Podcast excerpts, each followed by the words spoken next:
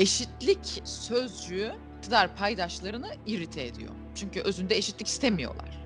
İşte kadının bir takım tariflenmiş kadınlık rollerine hapsolmasını istiyorlar. Eşitlik ters geliyor. Ya kadın kadındır, kadın yerini bilsin kardeşim. Toplumsal cinsiyet bağlamında baktığımız zaman dünya cinsiyetsizleşmeye gidiyor mu? Evet gidiyor. Ve muhafazakarlar da bundan korkuyorlar. Fakat bu yasaklayarak önünde durulabilecek bir şey aslında bakacak olursanız değil. Haber podcastle buluştu. Kısa Dalga yayında. Bizi Kısa Dalga Net ve podcast platformlarından dinleyebilirsiniz. Kısa Dalga'dan herkese merhaba. Bugün konuğum e, gazeteci Nevşin Mengü. Hoş geldiniz Nevşin Hanım. Merhabalar. Merhaba Yeşim. E, Nevşin Hanım sizinle e, bilinen adıyla İstanbul Sözleşmesi'ni konuşacağız. Resmi adıyla da e, kadına yönelik şiddet ve aile içi şiddetin önlenmesi ve bunlarla mücadeleye ilişkin Avrupa Konseyi Sözleşmesi. Şimdi İstanbul Sözleşmesi tabii ki çok tartışma, e, imzaya e, açıldığında bu kadar tartışmalı değildi ama günün sonunda 2011'den bu yana e, varıldığında çok ciddi tartışmalara e, geldi konu. O yüzden e, tekrar e, bu konuyu sizinle konuşmak istedik. Şimdi bilmeyenler için e, tabii bu çok bu kadar gündem olmasına ve konuşulmasına rağmen herkes de bilmiyor. E, bunu bilmeyenler için kısa bir özet geçmek isterim yayına başlamadan önce sizin de e, izninizle. Şimdi nedir bu İstanbul Sözleşmesi? Onlardan bahsedeyim çok kısa bir şekilde. İstanbul Sözleşmesi 30 sayfalık bir sözleşme. 81 e, maddeden oluşuyor. 12 ayrı bölüme ayrılmış diyebiliriz. Bu 81 maddeyi lütfen e, okumanızı e, rica edeceğim. Her yerde, bütün haber platformlarında neredeyse her yerde e, haberler, İstanbul Sözleşmesi ile ilgili haberlerin altına bir yerine iliştiriliyor. Ya da sadece Google taramasına İstanbul Sözleşmesi'nin maddeleri yazsanız bile e, çıkacaktır. Tabii ki bu sözleşme kadına karşı şiddeti bir insan hakkı ihlali olarak gördüğü için çok önemli. E, aynı zamanda bir ayrımcılık türü olarak görüyor. E, ve hukuki bağlayıcılığı bulunan ilk uluslararası belge diyebiliriz. O anlamda da yine çok önemli.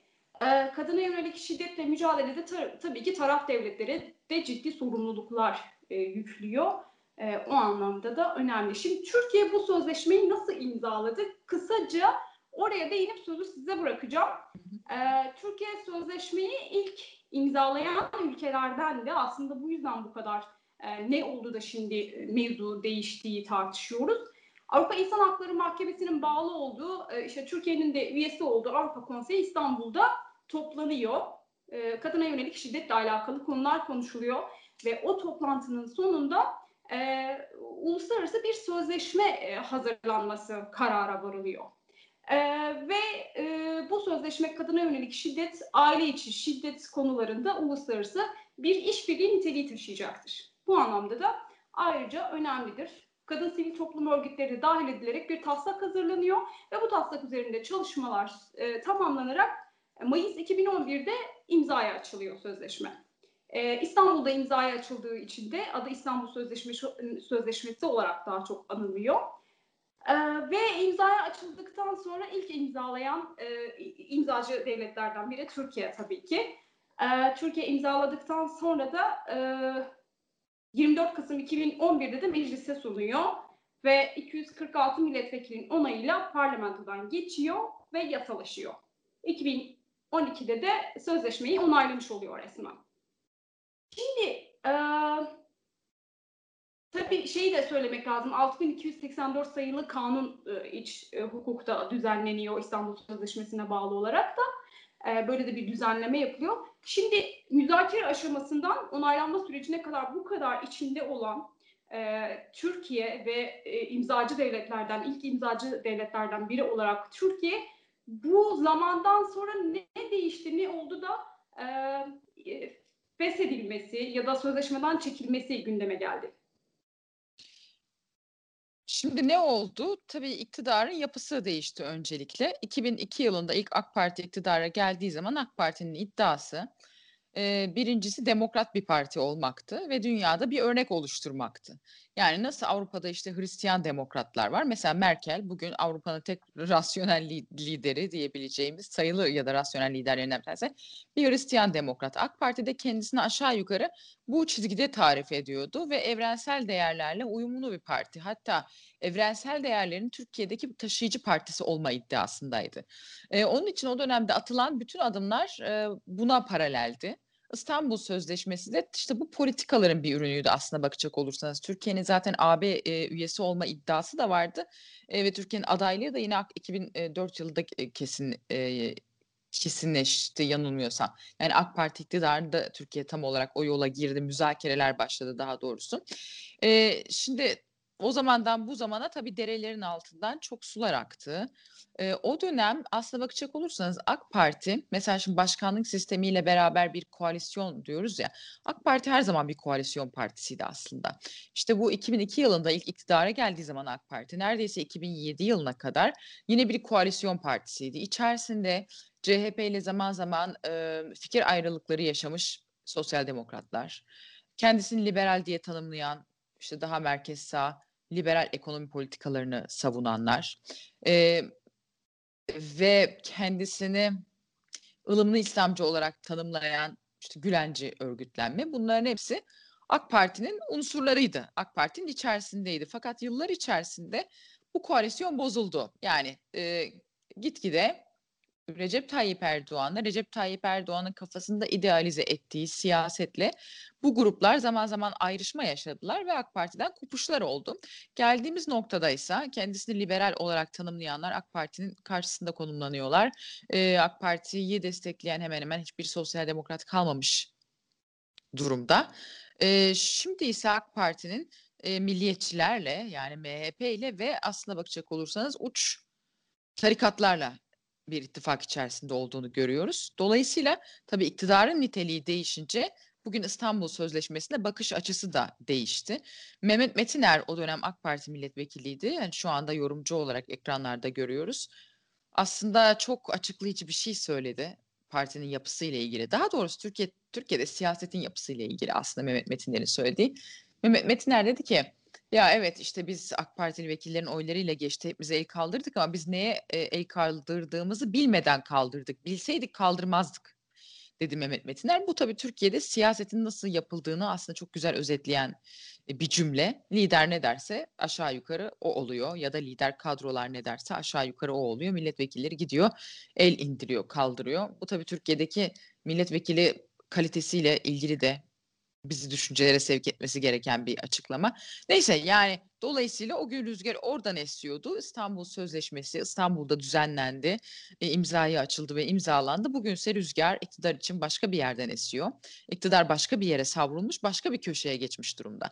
Artık e, iktidarın tabii bir daha işte bu ülkedeki liberallerle, sosyal demokratlarla, Alevilerle falan bir araya gelme, yeni bir uzlaşı bulma şansı da yok.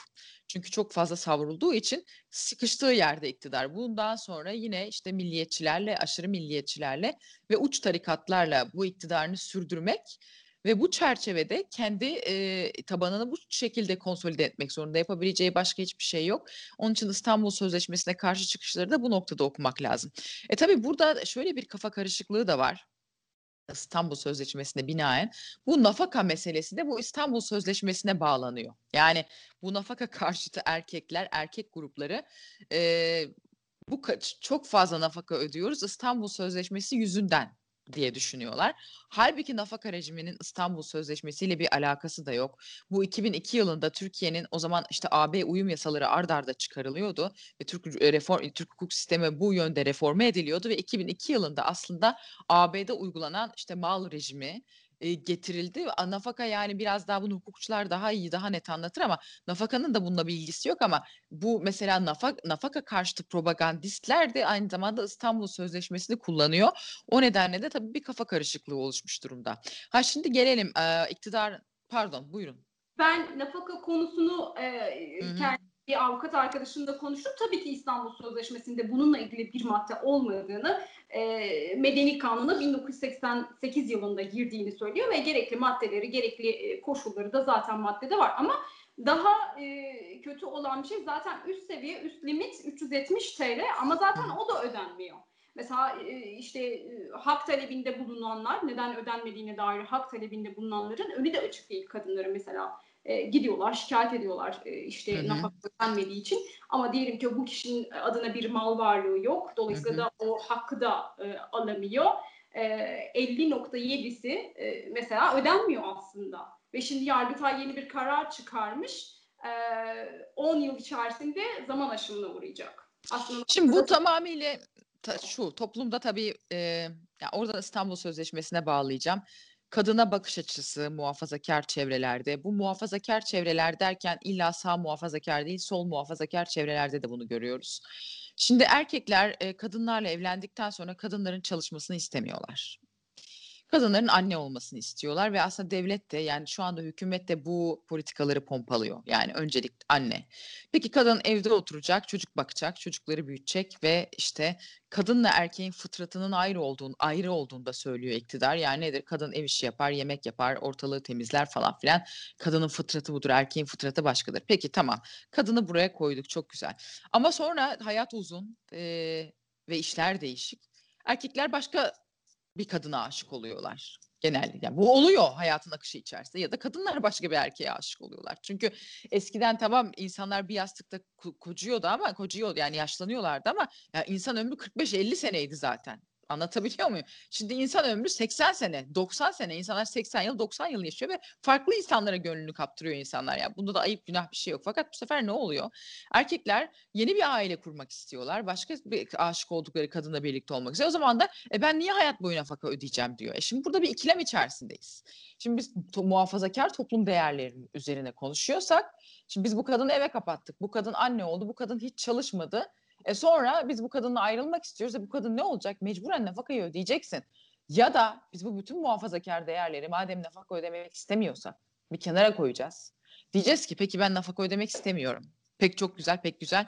O zaman annelik izni kadınla erkek arasında paylaştırılacak kadının iş hayatında önü açılacak. Pozitif ayrımcılık da uygulanacak. Çünkü kadınlar daha Türkiye'de yeni yeni kamusal alanda var olabiliyor. Bu gerçeği de görelim. Kadınlar yeni yeni iş hayatında var olabiliyor. O zaman pozitif ayrımcılığın da önünü açacağız.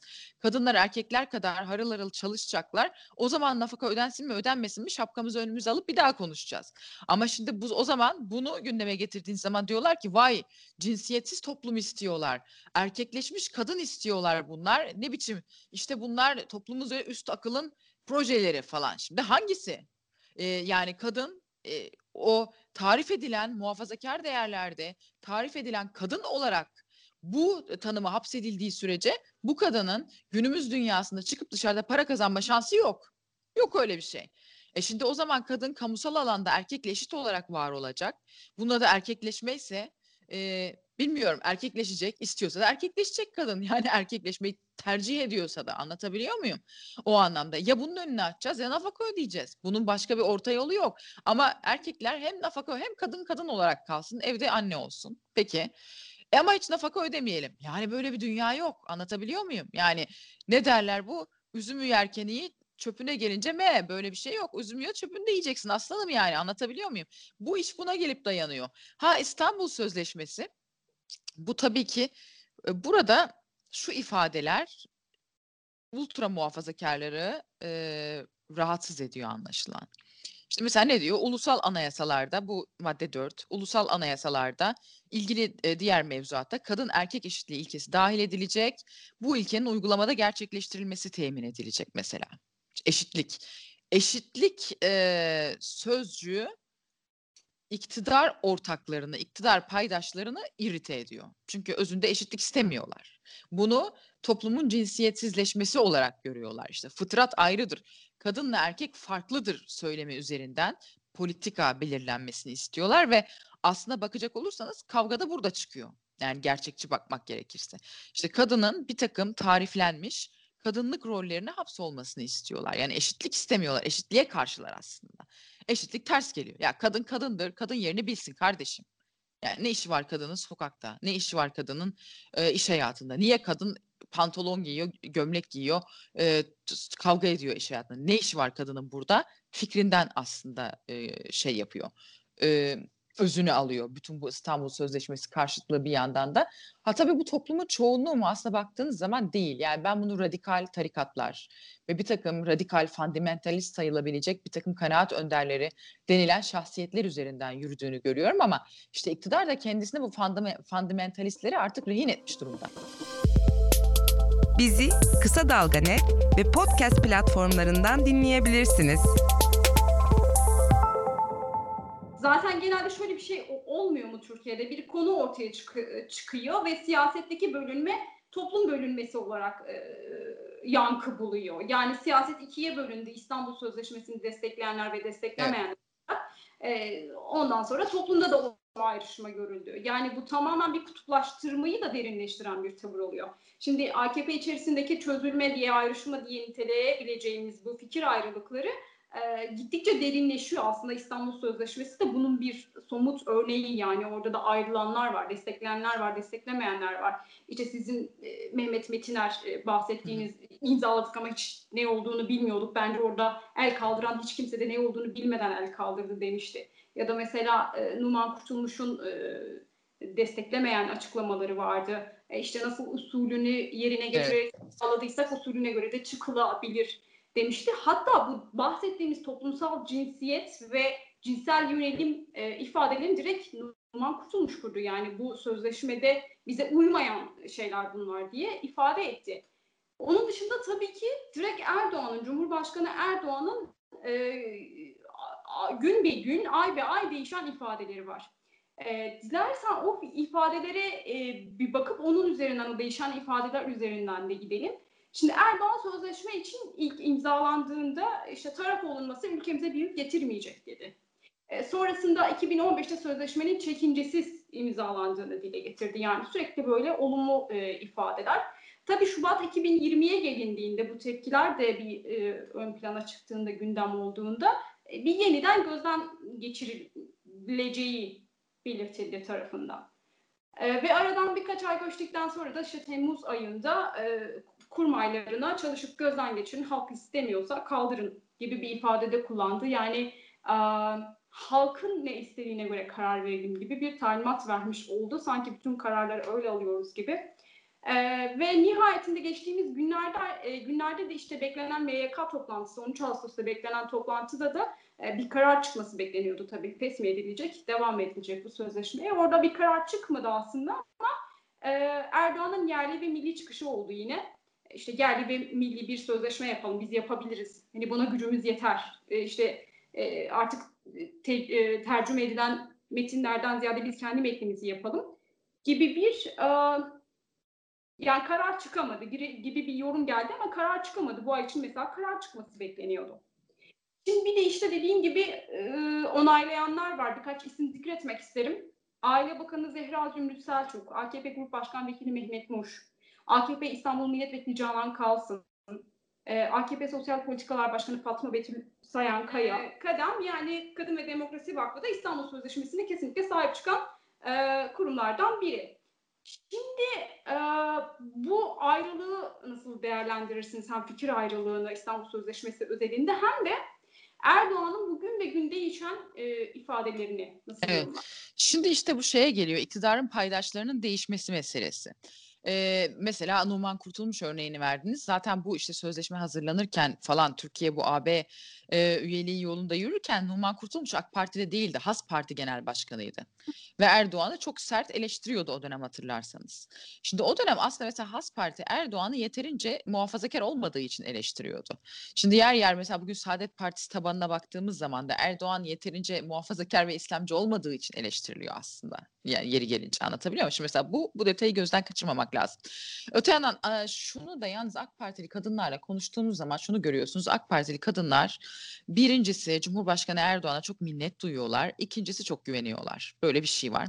Ve Erdoğan'ın kendi yanlarında olduğunu düşünüyorlar. Çünkü AK Parti içerisindeki bu yeni unsurlar açıkçası kadın karşıtı unsurlar bunlar e, ve da, e, gerici unsurlar var. Ve burada Erdoğan'ın dengeyi bulduğunu ve kadınları koruduğunu düşünüyorlar. Biraz da herhalde mesela bu İstanbul Sözleşmesi sürekli AK Parti MKYK'sında gündeme gelecek. Çıkılacak mı, girilecek mi, karar verilecek falan deniyor. Fakat sürekli bir ötelenmesi durumu söz konusu. Buradan da anlıyoruz ki yani bu AK Parti içerisindeki bir ajandayı bir tek kişi öteleyebilir. O da Cumhurbaşkanı Recep Tayyip Erdoğan. Çünkü e, AK Parti kişi partisi. Yani eskisi gibi bir kadro partisi değil, bir kişi partisi. Onun için bak Erdoğan'ın e, bu meseleyi ötelemeye çalıştığını, ötelediğini anlıyoruz. Şimdi e, AK Parti içerisindeki bu radikal unsurlar, gerici unsurlar sözleşmeden çıkılsın propagandasını başlattı. Hatta e, Dilipak çok sert bir yazı yazdı fuhuşatla uğraşıyor bu sözleşmeyi e, isteyenler dedi. Yani AK Partili kadınlara fahişe dedi bir yerde. Sonra çevirdi falan filan ama bunu dedi yani. Türkçesi bu. Onu dedim, bunu dedim falan filan diyor. Bu, hani bunlar da şöyle zannediyorlar bu gerici insanlar. İşte bunlar Arapça, Farsça sözcük kullanırsa biz anlamayacağız zannediyorlar. Ama şöyle bir şey var yani günümüzde internet diye bir şey var. Yani internetten her türlü sözlüğe ulaşıp ne demek istediğini anlayabiliriz. Hani böyle plaza, plaza diliyle dalga geçilir ya çok İngilizce kullanılıyor diye. Bu gerici öğrenciler arasında da böyle bir Arapça kullanmacılık var. Kendilerinden başka kimsenin anlamayacağını düşünüp birbirlerine mesaj veriyorlar yani. Dilipak'ta böyle kendi tabanına mesaj verirken AK Partili kadınlar duvarına çarptı ee, ve çok sert bir tepkiyle karşılaştı. Şimdi de diyor ki işte e, ben trollerin saldırısına uğradım. Trollerin saldırısına uğramadı yani. Çat diye AK Partili kadınlar duvarına çarptı açıkçası. Bir de herhalde şey diye düşündü. E, ya sonuçta Erdoğan İslamcı, İslami değerlere sahip bir lider. Kızına haddini bildirir hesabı yapıldı bence. Sümeyye Erdoğan da olsa falan filan diye ama o işler artık öyle değil. Yani 21. yüzyılda. E, ve belli ki AK Partili kadınlar burada e, şu aş geldiğimiz aşamada hani parti içerisinde galip gelmiş görünüyorlar. Bakalım daha ne kadar bu sözleşmeden çıkılsın meselesi gündemde olacak. Ha, onu göreceğiz. Tabii şu da söyleniyor hani yumuşatıcı ya işte bazı maddelere rezerv koyalım. Bu cinsel yönelim ifadesini geçtiği maddeye işte rezerv konulsun. Böyle bir formül gündemde. E, işte ya da biz yasalarımızda işte kendimize özgü bir takım yasalar gündeme getirilsin. Herhalde burada Erdoğan benim tahminim böyle bir orta yolcu bir şey bulacak. Belki sözleşmede işte bir iki maddeye rezerv konacak diye tahmin ediyorum ben. Ve işte belki bir, bir iki yasada değiştirilecek Ama diye öngörüyorum. Söz konusu değil benim bildiğim kadarıyla. Yani ki ben hayır, hayır revize edilmek değil. Biz rezerv koyuyoruz. Ha. Şöyle ki yani bunu mesela bunu e, bazı ülkeler yapıyor. İşte diyorsun ki şu şu maddeye rezerv koydum. Ya o da bir tartışma konusu. Hukukçular işte uluslararası sözleşmeye rezerv konabilir mi, koyamaz mı? Koyarsın ne olacak yani bu sadece hani self declared bir şey. Kendi kendine açıkladığın bir şey yani ben koydum dersin. Anlatabiliyor muyum? Ne, ne olacak yani? Bu formülü benimsemiş ülkeler var. Türkiye belki herhalde böyle bir yol seçebilir. Ben bu maddeye rezerv koydum diyebilir. Yani cinsel yönelim ifadesini kabul etmiyorum diyebilir. Bir de tabii dünyanın gittiği bir yer var ve bu, bu dünyadaki bütün muhafazakarları endişelendiriyor.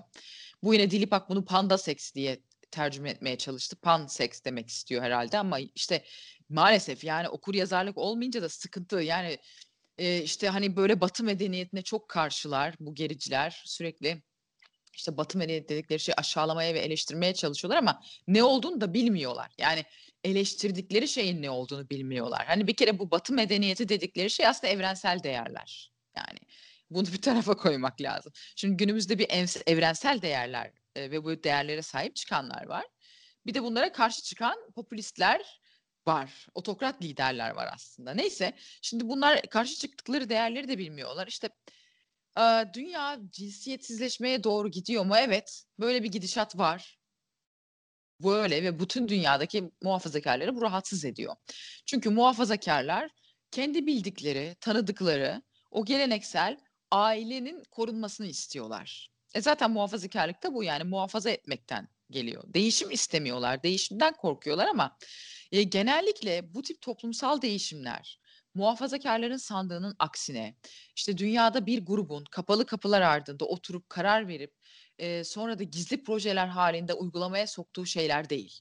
Toplumlar işte üretim ilişkilerinin değişmesi, devlet birey arasındaki ilişkilerin farklılaşması, günümüzde ile bir iletişim devrimi yaşadık ve bu iletişim devrimiyle toplumun atomize olması, toplumsal ilişkilerin değişmesi, iletişim biçimlerinin değişmesiyle beraber yani koşulların değişmesiyle beraber toplumlarda değişiyor.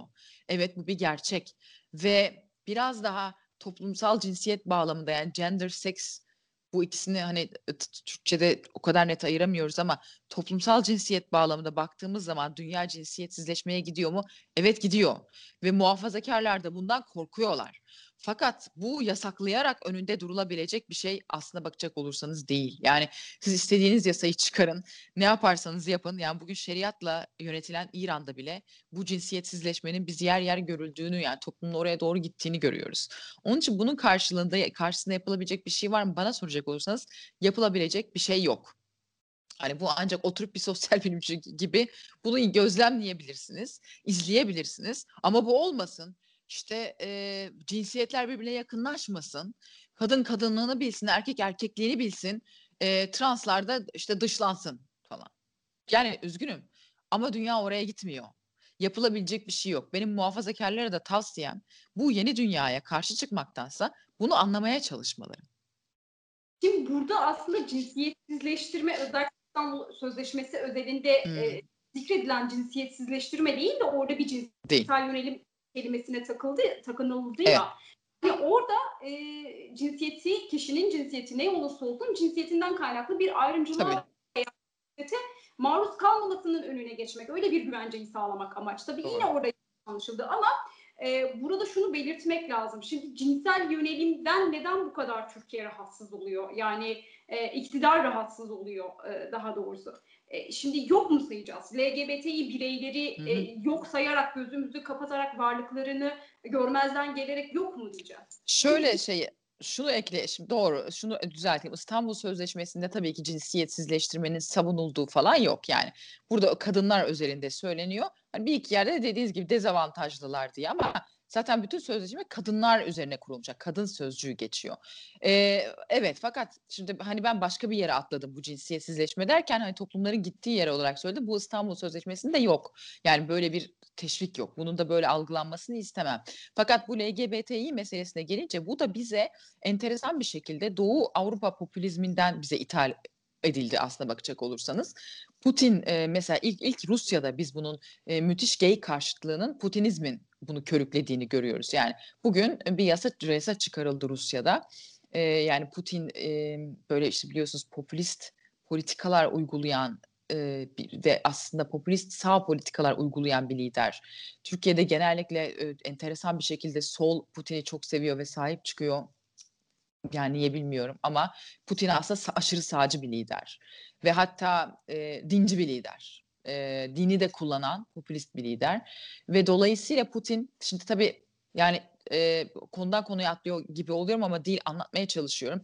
E, özellikle komünizm sonrası yani post Sovyet dönemde bu ülkeler Rusya gibi eski Sovyet peyki olan ülkeler bunlar e, yeni ulusal kimliklerini inşa ederken dini merkeze oturttular. Putin de aynısını yapıyor. Yani yeni Rus kimliği e, e, inşa edilirken kilise, Ortodoks kilisesi, Rus Ortodoks kilisesi bunun merkezine oturtuluyor. Ve müthiş bir bunun bununla paralel müthiş bir gay karşıtlığı var. Ve Rusya'da gaylik propagandası yapmak yasak. Yasa bu. Fakat tabii bu yasa müthiş bir muğlaklık getiriyor. Yani neye göre Geylik propagandası ne demek?